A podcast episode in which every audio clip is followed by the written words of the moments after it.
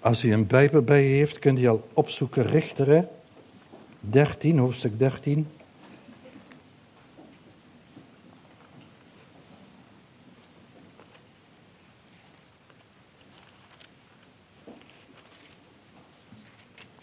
Richteren, hoofdstuk 13. Dat zullen we zo dadelijk lezen. Ik wil heel erg graag met jullie samen verder denken, nadenken over het boek, eh, over het boek Richteren. En uh, ik zal de komende preken zal ik spreken over iemand die erg bekend is. Een van de figuren die zeker altijd in de zongeschool voorbij komt. En dat is namelijk Simpson. Hij is beroemd geworden door een gebeurtenis met Delilah. Wat ook eigenlijk zijn ondergang betekende. En aan de andere kant ook een inleiding op het grootste optreden waar we samen de komende weken over zullen nadenken. Die gebeurtenis was dat uh, hij was een Nazareër. Hij had uiterlijke tekenen. Een van die uiterlijke tekenen was dat hij nooit zijn haren zou knippen. En hij, dat geheim van die kracht verraadt hij aan Delilah en dan verliest hij op een tragische manier die kracht. Maar die kracht die zet hij in voor zijn eigen ik. En daarom kwam hij eigenlijk zo aan een tragisch einde. En een Nazareër, dat zal ik u zo dadelijk in de preek eigenlijk uitleggen, die deed een gelofte. En het was een gelofte dat hij zich totaal toewijde aan de Heere God. En die uiterlijke tekenen van iemand die zeg maar, zich had toegewijd, dat was een van die tekenen, was onder andere dat hij zijn haar niet liet knippen. En je zou eigenlijk denken dat hij vanuit die relatie, en vanuit die roeping, eh, een hele intense en diepe relatie met de Heere God zou hebben. En dat hij een geheiligd leven zou leiden. En het tegendeel is waar. Daarom heb ik deze preek eigenlijk genoemd: uiterlijke tekenen zeggen ons niets over je relatie met God. En ik wil met u echt nadenken over ons innerlijke en ons uiterlijke. Dat we wat we van de buitenkant zijn, dat dat ook in overeenstemming moet zijn wat in de binnenkant is. En eh, uiteindelijk kom ik eh, op het einde van de preek, dat u zich een beetje kunt voorbereiden op hetgene waar ik naartoe werk. Dat is namelijk, eh, als je geheimen hebt in je leven, of als het uiterlijke niet in overeenstemming is met het innerlijke, dan sluit je je voor hulp af. Maar het allerergste is, je sluit je voor God af. En je ziet dat in het leven van Simpson. Je ziet in het leven van Simpson zie je eigenlijk een hele tragische, tragisch verloop. Hij is ook de laatste richter die genoemd wordt. Het is een zeer tragisch verloop. En uh, van daaruit uh, wil ik met jullie eigenlijk ook nu bidden. En dan lezen we dat gedeelte. En dan uh, zullen we daar samen over nadenken. En ik hoop echt dat u je hart wilt openen. Dat de Heilige Geest echt tot uw hart mag spreken. Ik ben me altijd zo bewust, ik zeg het wel vaker, dat heb, je hebt wat woorden op papier. En die woorden die vormen een zin. En die zin die vormen een preek. En op zich is het doodpapier. Het is eigenlijk uh, veel werk geweest. Maar elke prediker, en er zitten er een paar in de zaal, die weten dat als de Heilige Geest daar niet het leven in blaast, dan is het allemaal doods. Terwijl God echt leven wil brengen in ons leven. En dat Hij ook alleen maar dat in staat is. En daarvoor wil ik eigenlijk heel graag bidden. Vader, als we zo verder gaan in het boek Het Richteren, dan willen we u bidden dat u echt ons harten opent en dat we u mogen naderen. En dat we aan de ene kant worden we ontzettend geconfronteerd. Ik werd ook echt geconfronteerd uh, deze week met veel dingen. En onder andere dat hij echt uh, me ook toetste in mijn hart. En ik wil u zo danken, Heere God, dat we aan de ene kant is die confrontatie, aan de andere kant die uitnodiging, waar we zo mee begonnen zijn, dat u ons vergeven wilt. Dat u ons genadig wilt zijn. Dat u bemachtigd wilt zijn. Dat u goedheid wilt over ons leven. Dat u hoopvolle gedachten koestert. Een hoopvolle toekomst. En Heere God, daar willen we ons eh, op voorbereiden en niet terugdeinzen. Door te veinzen, niet terugdeinzen door te doen alsof. En ik wil u bidden dat u, als dat zo is, dat u dat openbaart en dat u ons echt in de waarheid brengt en in het licht laat wandelen. Dat is, ik, is mijn verlangen, Heer, in Jezus' naam. Amen. Richter 13, vers 1 tot en met 14. De geboorte van Simpson. Het begint al eigenlijk steeds met een zinnetje wat regelmatig in deze richter uh, terugkomt. Het komt zes keer komt dat voor. Elke keer luidt het een bepaalde periode in. Maar de Israëlieten deden opnieuw wat slecht was in de ogen van de Heer. Daarom gaf de Heer hen over in de hand van de Filistijnen veertig jaar lang. En er was een man uit Sora, uit het geslacht van de Danieten, en zijn naam was Manoach. Zijn vrouw was onvruchtbaar, onvruchtbaar en had geen kinderen gebaard. Toen verscheen er een engel van de Heere aan deze vrouw en zei tegen haar: Zie toch, u bent onvruchtbaar en hebt geen kinderen gebaard. U zult echter zwanger worden en een zoon baren. Wel nu dan, wees toch op uw hoede dat u geen wijn of sterke drank drinkt en eet niets onreins. Want zie, u zult zwanger worden en een zoon baren. En er mag geen scheermes op zijn hoofd komen, want het jongetje zal van de moederschoot af als Nazarea aan God gewijd zijn en hij zal beginnen Israël te verlossen uit de hand van de Filistijnen. Toen ging deze vrouw naar binnen en zei tegen haar man, een man Gods kwam bij mij en zijn uiterlijk was als het uiterlijk van een engel van God. Heel ontzagwekkend. Ik vroeg hem niet waar hij vandaan kwam en hij heeft mij zijn naam niet verteld. Maar hij zei tegen mij, zie, u zult zwanger worden en een zoon baren. Wel nu, drink geen wijn of sterke drank en eet niets onreins, want het jongetje zal van de moederschoot af tot de dag van zijn dood als Nazareër aan God gewijd zijn. Daarop bad Manoach de Heere vurig en zei, Ach, Heere, laat de man Gods, die u gezonden hebt, toch opnieuw naar ons toekomen, om ons te leren wat hij met het jongetje dat geboren zal worden moet doen.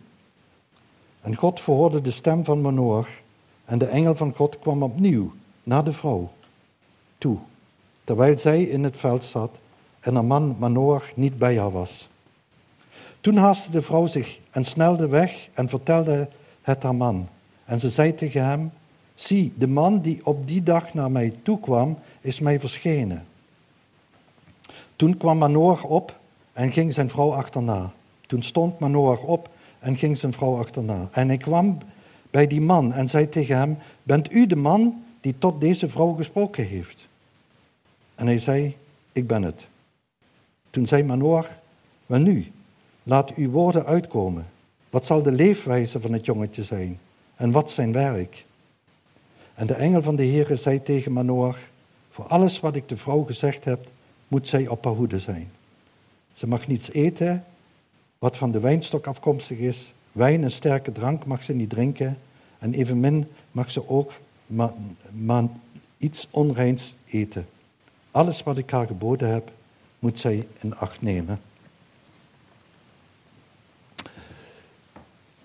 Als je met zo'n boek bezig bent, eh, ik ben daar al enkele maanden mee bezig met zo'n boek, dan valt je eigenlijk steeds op dat er een nieuwe periode aanbreekt op het moment dat er eh, staat, de, eh, de Israëlieten deden opnieuw wat slecht was in de ogen van de Heer. En deze zin, die zinsnede, die komt zes keer terug. Maar er viel me ook nog een andere zinsnede op, en dat is, eh, die komt twee keer terug, en dat zul je ook in het leven van Simpson steeds zien. Want Richter 17 vers 6 en Richter 21 vers 25, waar het boek eigenlijk mee eindigt, dat zegt, in ieder deed wat juist was in zijn ogen. En die dingen, dat staat ook van Simpson twee keer geschreven, dat hij eigenlijk dat doet, doet wat eh, juist was in zijn ogen. En weet u, als je leest eigenlijk, die twee dingen staan heel haaks op elkaar, daar ga ik even iets meer over zeggen. Die Israëlieten en Simpson, die deden wat eh, slecht was in de ogen, maar in hun eigen ogen was het eigenlijk niet zo slecht. In een eigen beleving was het gedrag volkomen aanvaardbaar. Er was niet een gedachte van, ik weet dat het niet goed is, dus doe ik het toch. Dat is helemaal niet in het boek te vinden. Het was eigenlijk in hun gedachten, in hun eigen ogen, kon het eigenlijk best wel door de beugel. En, eh, maar in Gods ogen was dat gedrag slecht. En een van de dingen die mij opvallen is in de evangelische wereld, waar wij zeg maar zo in vertoeven, dat we denken dat het evangelie hoofdzakelijk voor niet-christenen is. We beschouwen dat als een paar leerstellingen waarin we iemand vertellen of uitleggen hoe die koninkrijk God binnen kan gaan. En als we dan eenmaal bekeerd zijn, dan hoeven we eigenlijk niet meer zoveel te doen en niet meer zoveel te bestuderen. Het is eigenlijk alleen een binnengaan, maar niet alleen een binnengaan, maar waar Gods woord over schrijft en wat God tot ons zegt, is dat het een leven is. Een leven met Christus. Niet een leer van Christus, die is natuurlijk ontzettend belangrijk, dat je weet wie Jezus is. Maar de Satan weet ook heel veel van Gods woord. Hij weet ook heel veel van de Heer Jezus. Maar het gaat in het christelijke, uh, het christelijke leven eigenlijk om een leven, niet om een leer. Als je namelijk het niet uh, leeft, dan heb je het niet begrepen. En dat betekent eigenlijk dat je het niet maar zomaar uh, eigenlijk als een paar leerpunten kunt noemen. Want regelmatig kom je dan mensen tegen en je vraagt hen dan of ze geloven. En dan geloven ze, omdat ze eh, precies weten wat ze eh, geloven. Maar in het leven en in de leer, of in het leven, is het soms moeilijk te zien. Datgene wat ze van binnen geloven, dat is van buiten niet te zien. Of misschien is het een afspiegeling van wat ze wel en niet geloven. En dan is de manier die er gezocht wordt, is de manier van wat juist is in eigen ogen. En weet je, we, een mens, u en ik, ik beschaam me daar zeker onder, is dat ik, zeg maar, dat ik slechter ben, dat u slechter bent als je ooit zou durven te geloven. Maar tegelijk is het zo dat we geliefd en aanvaard zijn dan we ooit zouden durven te dromen. En als je die twee dingen niet snapt, dan wordt het uiterlijke en het innerlijke wordt in overeenstemming gebracht. Dat je beseft van, Heer, ik ben slechter als ik ooit heb willen zien. Maar ik ben tegelijkertijd meer geliefd en meer aanvaard als ik ooit had kunnen dromen. En je ziet dat hier eigenlijk een intense probleem ligt in het hele boek Richteren. Omdat mensen denken datgene wat ze doen en wat ze doen, wat, dat het best wel door de beugel kan. En dat wat eh, eh, zeg maar in eigen ogen juist is, dat dat eigenlijk recht tegenover God zijn ogen staat, wat God vindt wat juist is in, de, eh, in zijn ogen. En daarvan heb ik me eigenlijk heb ik over nagedacht en wat kunnen we daar nu echt van leren. En er zijn twee hele belangrijke dingen eh, die we daarvan kunnen leren. En ik ga daar iets dieper op in, omdat hij dan een fundament krijgt en neergelegd eh, om, het, eh, om het leven van Simpson überhaupt te kunnen snappen. Want hij is vanaf de moederschoot is hij geroepen. En je zou denken, dit is eigenlijk iemand die gewijd is aan God. En die zal wel een leven hebben overeenkomstig van God. En het is een, iemand die een roeping heeft om eh, de Filistijnen, eh, om Israël daarvan eh, te bevrijden. Waar ze al 40 jaar door geknecht worden. En het tegendeel is waar. En hoe kan dat nou? Hoe kan dat nou dat iemand vanaf eh, ook de uiterlijke tekenen draagt, maar uiteindelijk is het zo dat, het, eh, dat hij doet, dat Simpson doet wat goed is in eigen ogen. En dat gaat, het eerste wat eh, ons dat laat zien is een goede definitie van zonde. Weet je, ogen van de Heer staan tegenover eigen ogen. Het gaat dus niet over wat wij goedkeuren, wat ons geweten toelaat. Het gaat ook niet over de normen en de gemeenschappelijke normen. En het gaat zeker niet over wat goed voelt, dat dat goed is. Het gaat over Gods wil voor ons en dat, dat staat vaak, regelmatig of vaak, lijnrecht in, eh, tegenover datgene wat God eigenlijk wil. En ook lijnrecht wat we hier in onze cultuur eigenlijk allemaal horen en wat we in de, onze, eh, ja, staat eh, ook in de kerken soms horen, in het lichaam van Christus horen.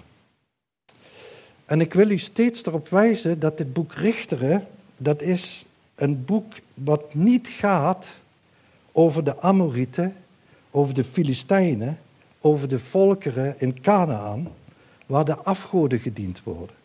Dit boek gaat over Gods volk en zegt heel veel over die tijd. En hoe meer je daarmee bezig bent, zul je zien dat het heel veel eh, informatie geeft over de tijd van Gods volk in deze generatie, in deze tijd waarin wij eigenlijk leven. Ook in de gemeente van Jezus Christus wordt namelijk gedacht dat we zelf kunnen bepalen wat goed en wat fout is, wat slecht is en wat goed voor je is. In mijn eigen ogen betekent eigenlijk wat mijn hart voelt en mijn hoofd denkt, dat bepaalt wat goed of slecht is.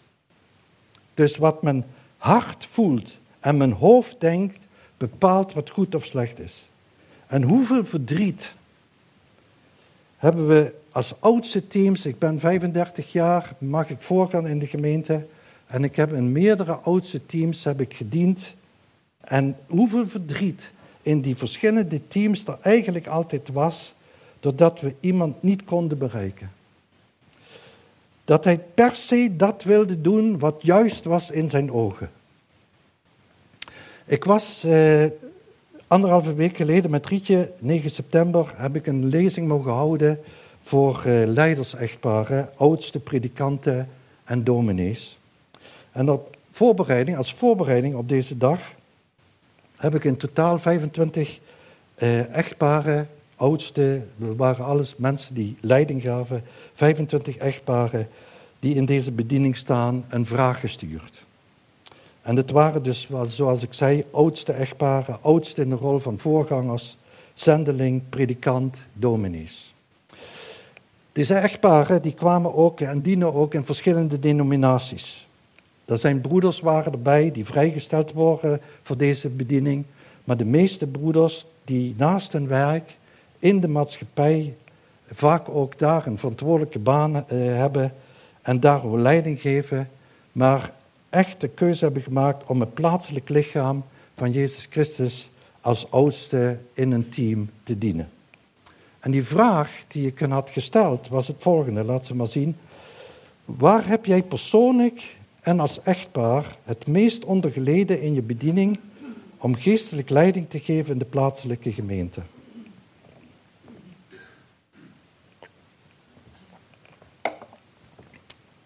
Vierentwintig echtparen hebben geantwoord. Ik had op een gegeven moment eh, een pak vol met antwoorden. En een van de dingen die werd geschreven was het volgende. We lijden, laat hij maar zien, we lijden het meest aan de last van het pastoraat in die zin, wanneer mensen zeggen van Christus te zijn, maar niet wandelen in Christus en hiermee schade berokkenen aan elkaar, de gemeente en de kinderen. Het is een grote frustratie als je op de onmogelijkste tijden en momenten rent voor mensen, er bent en volharden wil in geloof, maar mensen bij tegenslag alles loslaten, kiezen voor zichzelf, de makkelijkste weg of bereid zijn zonder te accepteren in hun leven. Diegenen die pastoraat doen in de gemeente, diegenen die leiding geven in de gemeente, die herkennen dit. Je investeert zo ontzettend veel. En op een gegeven moment moet er een belangrijke keuze gemaakt worden. Een weg van God die offers brengt, waar je een offer brengt, waar je niet meer kunt doen wat je zelf wenst, wat je niet meer kunt doen wat je eigen hart je aangeeft, wat ook niet goed voelt. Maar je weet, Het is de weg die God eigenlijk in zijn woord heeft beschreven. En dan toch te kiezen voor dat andere. En je staat erbij en je kijkt ernaar. En dan zie je dan, als je 35 jaar in de bediening staat, dan zie je ook de gevolgen ervan. Je kunt terugkijken en je ziet de gevolgen. En dan huilt, dan huilt je hart.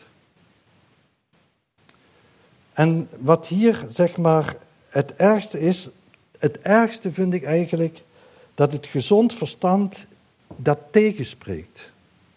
Wat goed voelt, is goed. Of dat je zegt van wat de algemene norm is, dat is juist. Want als iedereen zelf uitmaakt wat in eigen ogen zeg maar goed is, en nu neem ik een heel smakeloos voorbeeld, dat is dat dan kun je niet tegen de naties zeggen dat het slecht was om de Joden uit te roeien. Ze waren namelijk ervan overtuigd dat je het menselijke ras een gunst bewees. En ik confronteer u eh, met dit smakelijke voorbeeld, omdat de verschrikkelijke onzin en de argumentatie waar je soms naar moet luisteren, dat je dus datgene wat jij als norm stelt, of wat de maatschappij als norm stelt, of wat je hart eh, denkt, of wat je verstand denkt en wat je hart voelt, dat dat de norm is. Want dan kun je niemand meer aanspreken. Dan kun je dit ook niet meer veroordelen. En dat is eigenlijk de onzin waar je soms in terechtkomt. Dat je dus vertelt van hier is Gods woord, laten we dat lezen. En het voelt niet goed, het denkt niet goed, het is niet hetgene wat ik zelf in de cultuur zie, wat ik in mijn omgeving zie, dus leg ik het naast me neer. En dat betekent eigenlijk dat eh, als dat de norm zou zijn, dan kun je eigenlijk niks meer veroordelen. Dan is alles eigenlijk juist. En dat zie je in dat boek van Richteren. Bij Simpson zie je dat in zijn leven. Je ziet dat hij eigenlijk eh, niet onderscheidt wat juist is in eigen ogen en wat juist is in de ogen van God. En wat God als zonde ziet, dat is zonde. Ongeacht wat we ervan vinden, ongeacht wat een expert erover schrijft of een regering daarover uh, verordent, ongeacht of onze cultuur het hiermee eens is, wat juist is in eigen ogen, staat vaak lijnrecht tegenover wat juist is in Gods ogen. Het tweede wat dit liet zien is, en dat zie je ook weer in het leven van Simpson, dat zullen we de komende weken gaan uitpakken, is tot zonde misleid. Het misleidt. We misleiden onszelf zo makkelijk. Eigenlijk zie je dat Israël continu in de ontkenning zit. In hun eigen ogen en beleving was er niets mis. Maar diep in hun hart, ver weggestopt, wisten ze dat ze van God los leefden.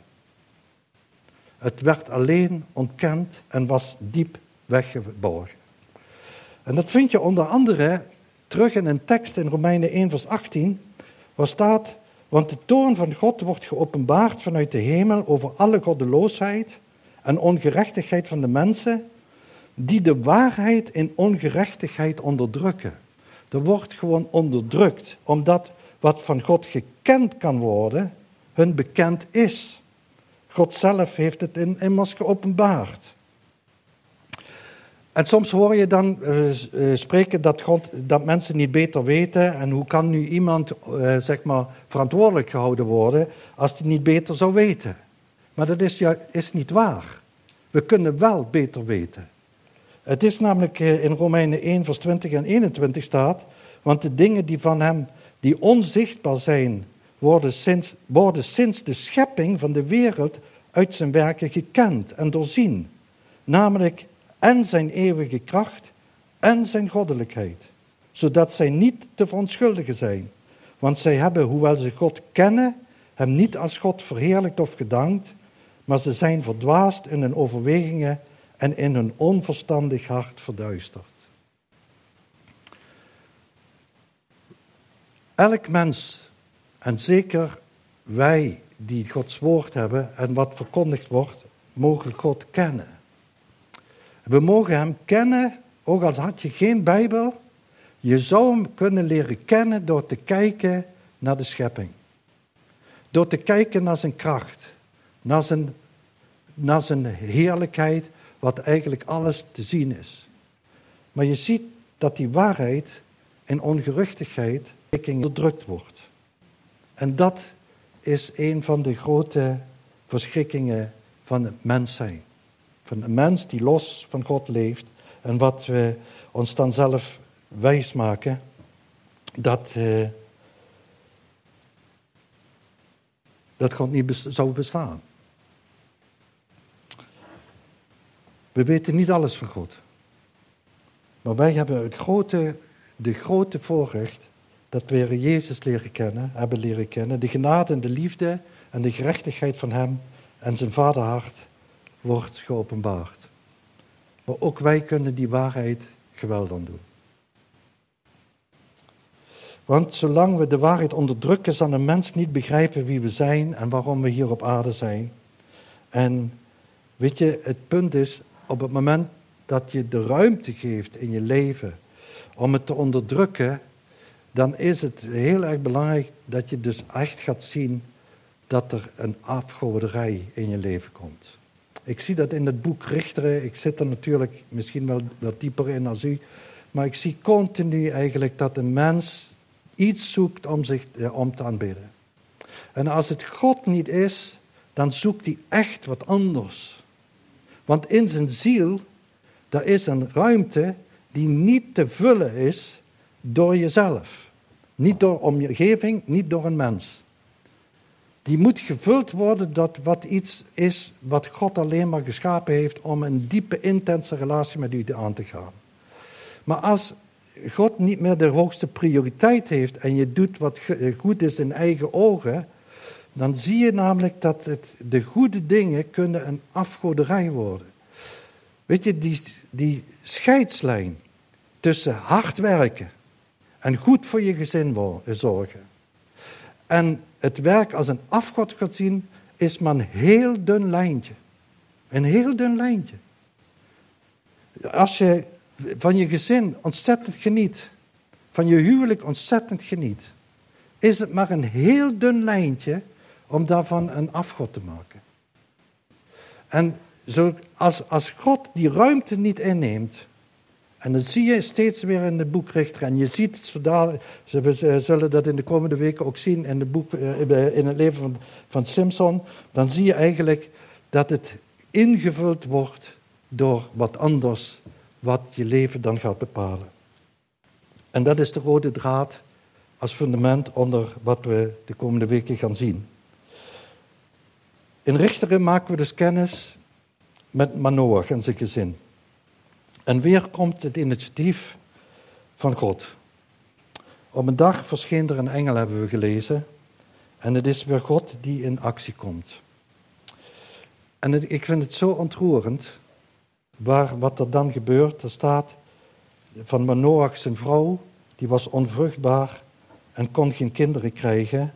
Maar God doet ook hier het onmogelijke. Ik heb eens gekeken naar de vrouwen waar eigenlijk onmogelijke dingen gebeuren. Is echt indrukwekkend. Dan kijk je naar Sarah, waaruit Isaac geboren wordt.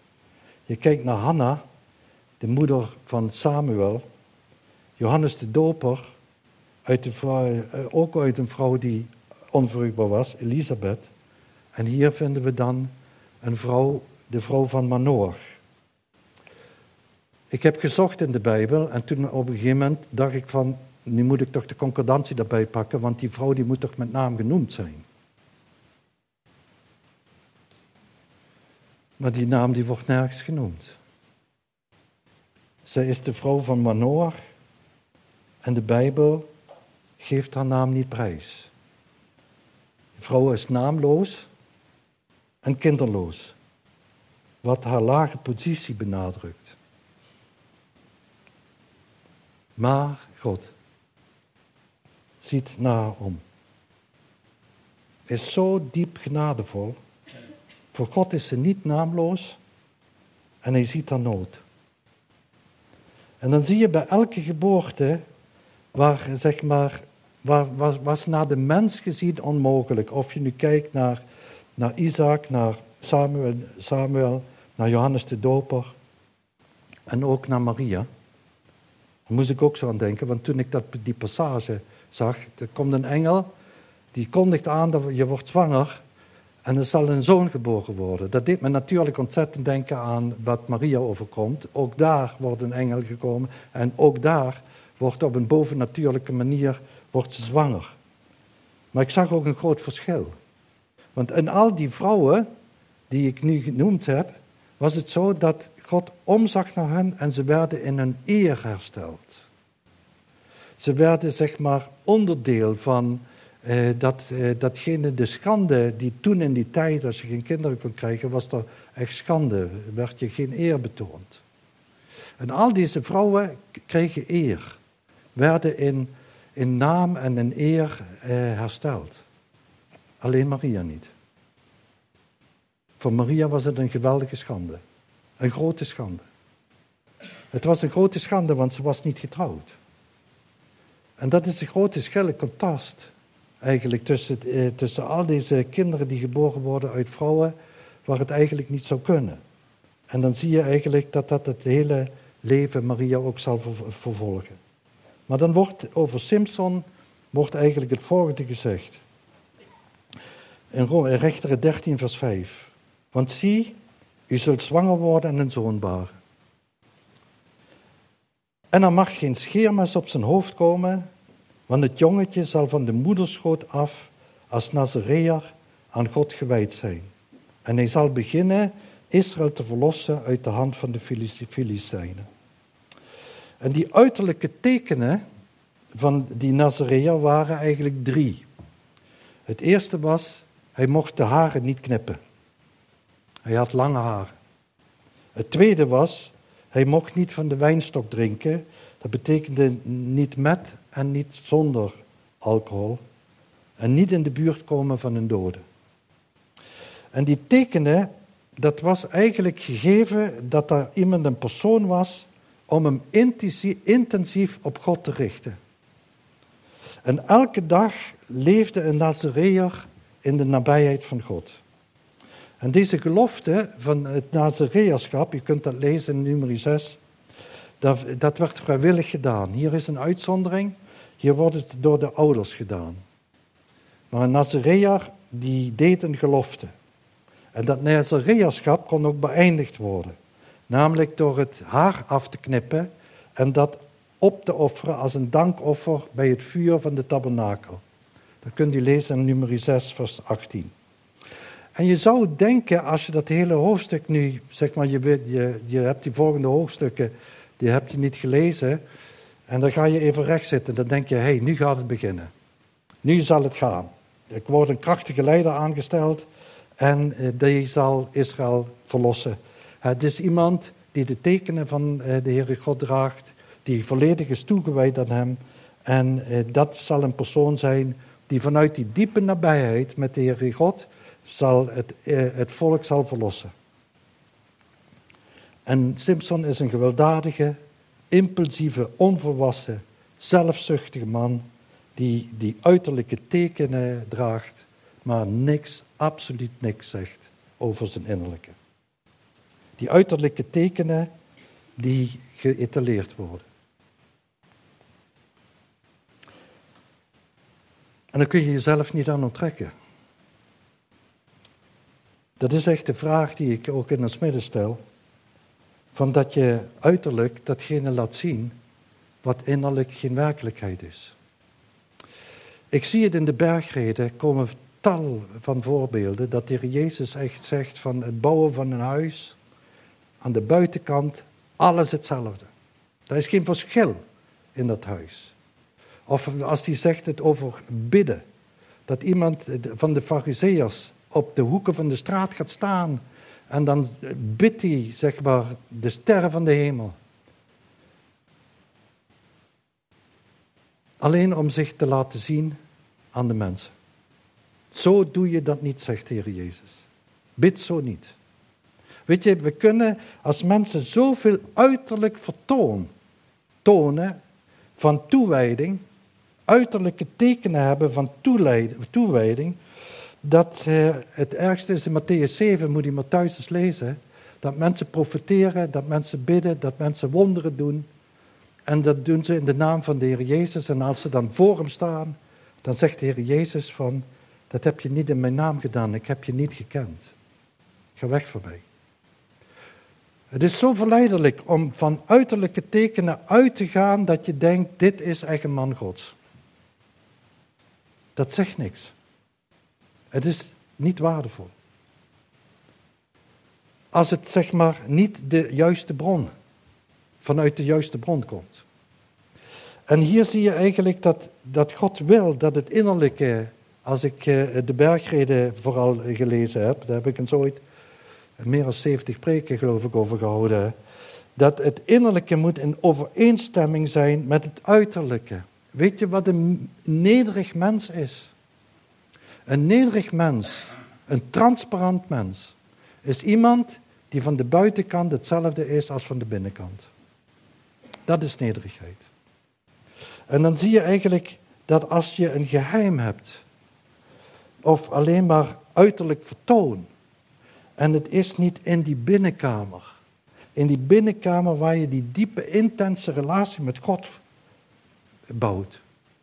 Als dat wel is, dan is dat zo schitterend. Dan is het zo bijzonder dat als je het innerlijke en het uiterlijke, als dat in overeenstemming gebracht wordt, dat je, Heer God, dat je echt in alle nederigheid bij God begint en zo met mensen omgaat, dan zie je dat deze mensen sieraad zijn. Het is een sieraad van God, dat wordt ook zo beschreven. Het is een sieraad. Het is iemand die de geur van Christus verspreidt. En nog mooier, als ik dan met mensen eigenlijk zo mag optrekken waarin ik dat mag zien, dan zie ik een brief. Ze zijn als het ware een brief van God, van, van Jezus. Je kunt erin lezen dat ze, het is niet volmaakt, het is niet perfect. Ze leven vanuit die genade, ze leven vanuit die vergeving. Ze leven vanuit eh, die God, zijn bemachtigheid en van goedheid. Daar, van daaruit leven ze. En van daaruit zijn ze een brief.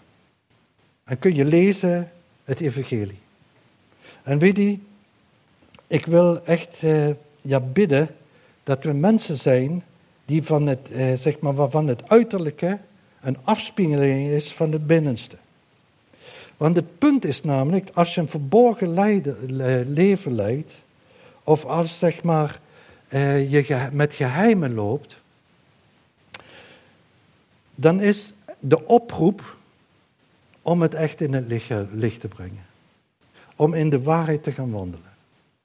Dan is de oproep om naar een vriend of naar twee vrienden te gaan of naar vriendinnen te gaan en het echt samen te bespreken wat er echt, in je leven eigenlijk als, als uh, geheim ligt. Wat je probeert te bedekken. Wat je probeert te overschreeuwen door uh, het uiterlijke vertoon. En het grootste probleem wat je hebt, dat wil ik u uitleggen. Als je dingen veinst. Als je doet alsof. Het grootste probleem wat je dan hebt is dat je je afsluit van de liefde van God.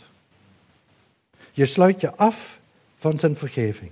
Het ergste is eigenlijk, als je kijkt naar de bediening van Jezus, in Lucas 4, vers 18, die heb ik eh, nog erop gezet.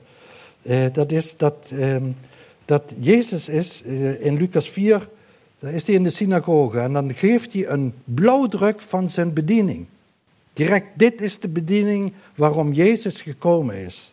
En dan staat daar, hij is gekomen om aan de armen het evangelie te verkondigen, om te genezen wie gebroken van hart zijn, om gevangenen vrijlating te preken, prediken, om aan blinden het gezichtsvermogen, om aan verslagenen weg te zenden in vrijheid, om, in, om het jaar, alles samengevat, om het jaar van het welbehagen van de Heer te prediken.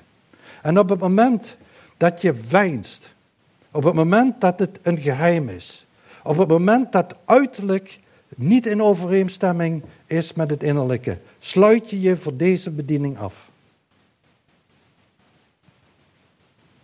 Want God die wil naar je toe komen om een evangelie te verkondigen. De Heer Jezus wil naar je toe komen om genade, barmachtigheid, zijn liefde en zijn goedheid, om de vergeving je aan te bieden. Hij wil, als je gebroken bent en veel verdriet hebt en je veinst alsof het niet zo is, dan sluit je je eigenlijk af dat hij je niet kan genezen van een gebroken hart. Als je denkt, niemand mag weten dat ik gevangen ben, in welke uh, gevangenis dat je ook zit. En je maakt het niet openbaar, je brengt het niet in het licht, je brengt het niet in de waarheid. Dan sluit je je af voor datgene wat God je wil aanbieden. En dat is namelijk vrijleven. Als je dingen niet ziet, dan wil hij je licht geven. Maar vooral als je verslagen bent, geslagen bent en verslagen bent door het leven. En je put uit eigen kracht. En je houdt je sterk. En je gaat maar door. En je zit in een overlevingsmodus.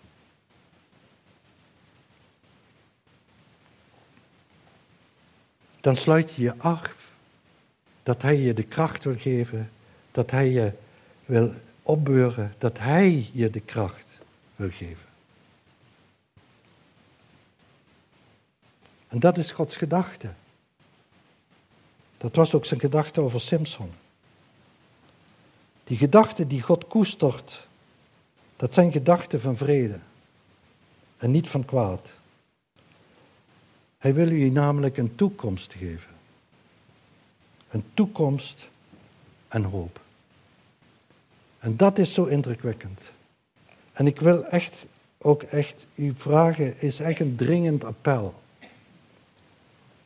We hebben namelijk de catastrofes gezien in levens van mensen die het geheim houden. Mensen die een dubbel leven leiden. Mensen die, waarvan het uiterlijke niet in overeenstemming is met het innerlijke. Dan is het er echt een dringend appel om in het licht te komen. Rob en David, jullie kunnen al naar het uh, podium gaan. En ik wil u echt, uh, ja echt, ik wil echt bidden dat je de moed hebt. Weet je, schaamte is een grote vijand. Schaamte, dat is dat je weet, ik ben slecht. Schuld is wat anders. Schuld is, ik heb verkeerd gedaan. Schaamte is, ik ben verkeerd. Ik ben verkeerd is niet wat God tegen u zegt. Dat is van de duisternis. Wat God zegt is, je hebt verkeerd gedaan. En daar is een oplossing voor. Omdat mijn zoon gestorven is aan de kruis. En daarom wil ik u echt roepen, oproepen, als er schaamte is en je zegt ik ben verkeerd, laat u dat niet weerhouden om te komen bij het kruis. Omdat aan het kruis wordt niet schaamte beleden, aan het kruis wordt schuld beleden. En dan ga je zien, ik, ben, ik heb verkeerd gedaan, maar ik ben in Christus geheiligd. Ik ben in Christus een kind van God. En dat is zo indrukwekkend. Dat is de schaamte voorbij. En dat wil ik u echt bidden. Laten we zo even stil zijn, dan zal ik nog bidden en dan zullen we even een lied zingen.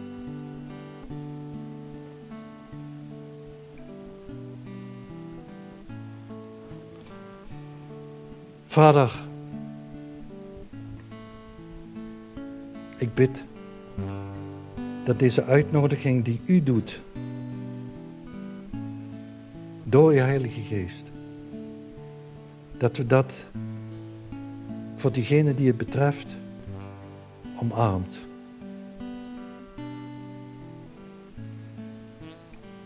Heer, u biedt aan dat de schuld is weggedaan. Het oordeel is geveld.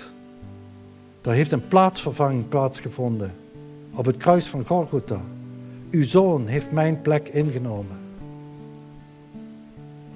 En nu wil hij me een status geven, een positie geven in uw zoon Jezus Christus. Zodat ik me niet hoef te schamen. Ik ben een kind van u geworden. En ik mag in het licht wandelen. Vader, wil u zo ieder die dit hoort, deze boodschap hoort, bedouwen met uw diepe genade. Omdat het een boodschap is die ons wel confronteert met zonde. Maar veel meer de genade en de bemachtigheid en uw goedheid laat zien. En dat we dat omarmen en bij uw zoon komen. Dat bidden we u zo. In Jezus' heilige naam. Amen. Laten we gaan staan. Ik aanbid u Ik aanbid u met heel mijn hart. met heel mijn hart. Ik verhoog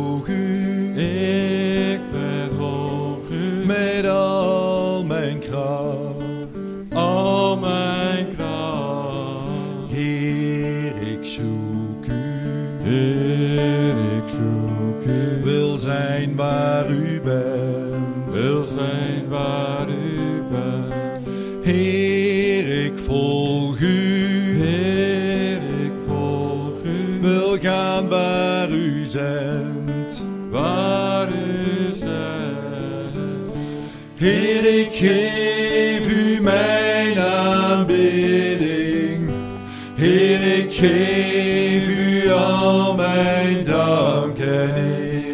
U alleen wil ik aanbidden. U alleen komt toe mijn dank en. Vader, zo op het einde van deze samenkomst willen we echt ook eh, deze week ingaan met de zegen van u. Willen jullie ons echt bedouwen met, eh, met uw Heilige Geest? Dat we diep onder de indruk komen van uw bemachtigheid, van het evangelie van Jezus Christus. Van die diepe genade,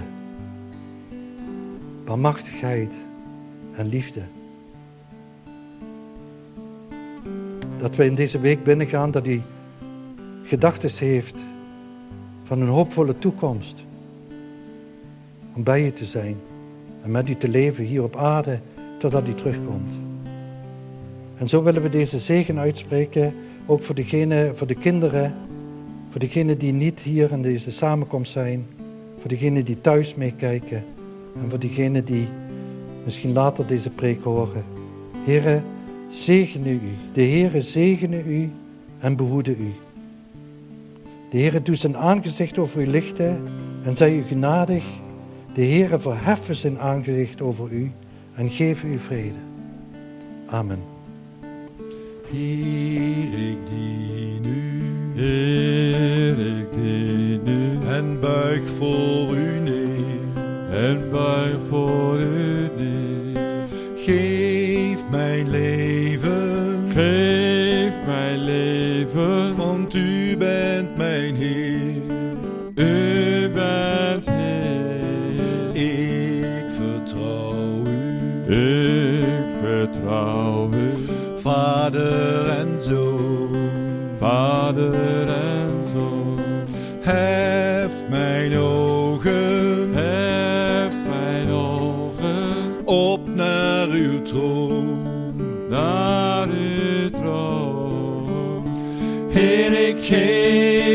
geef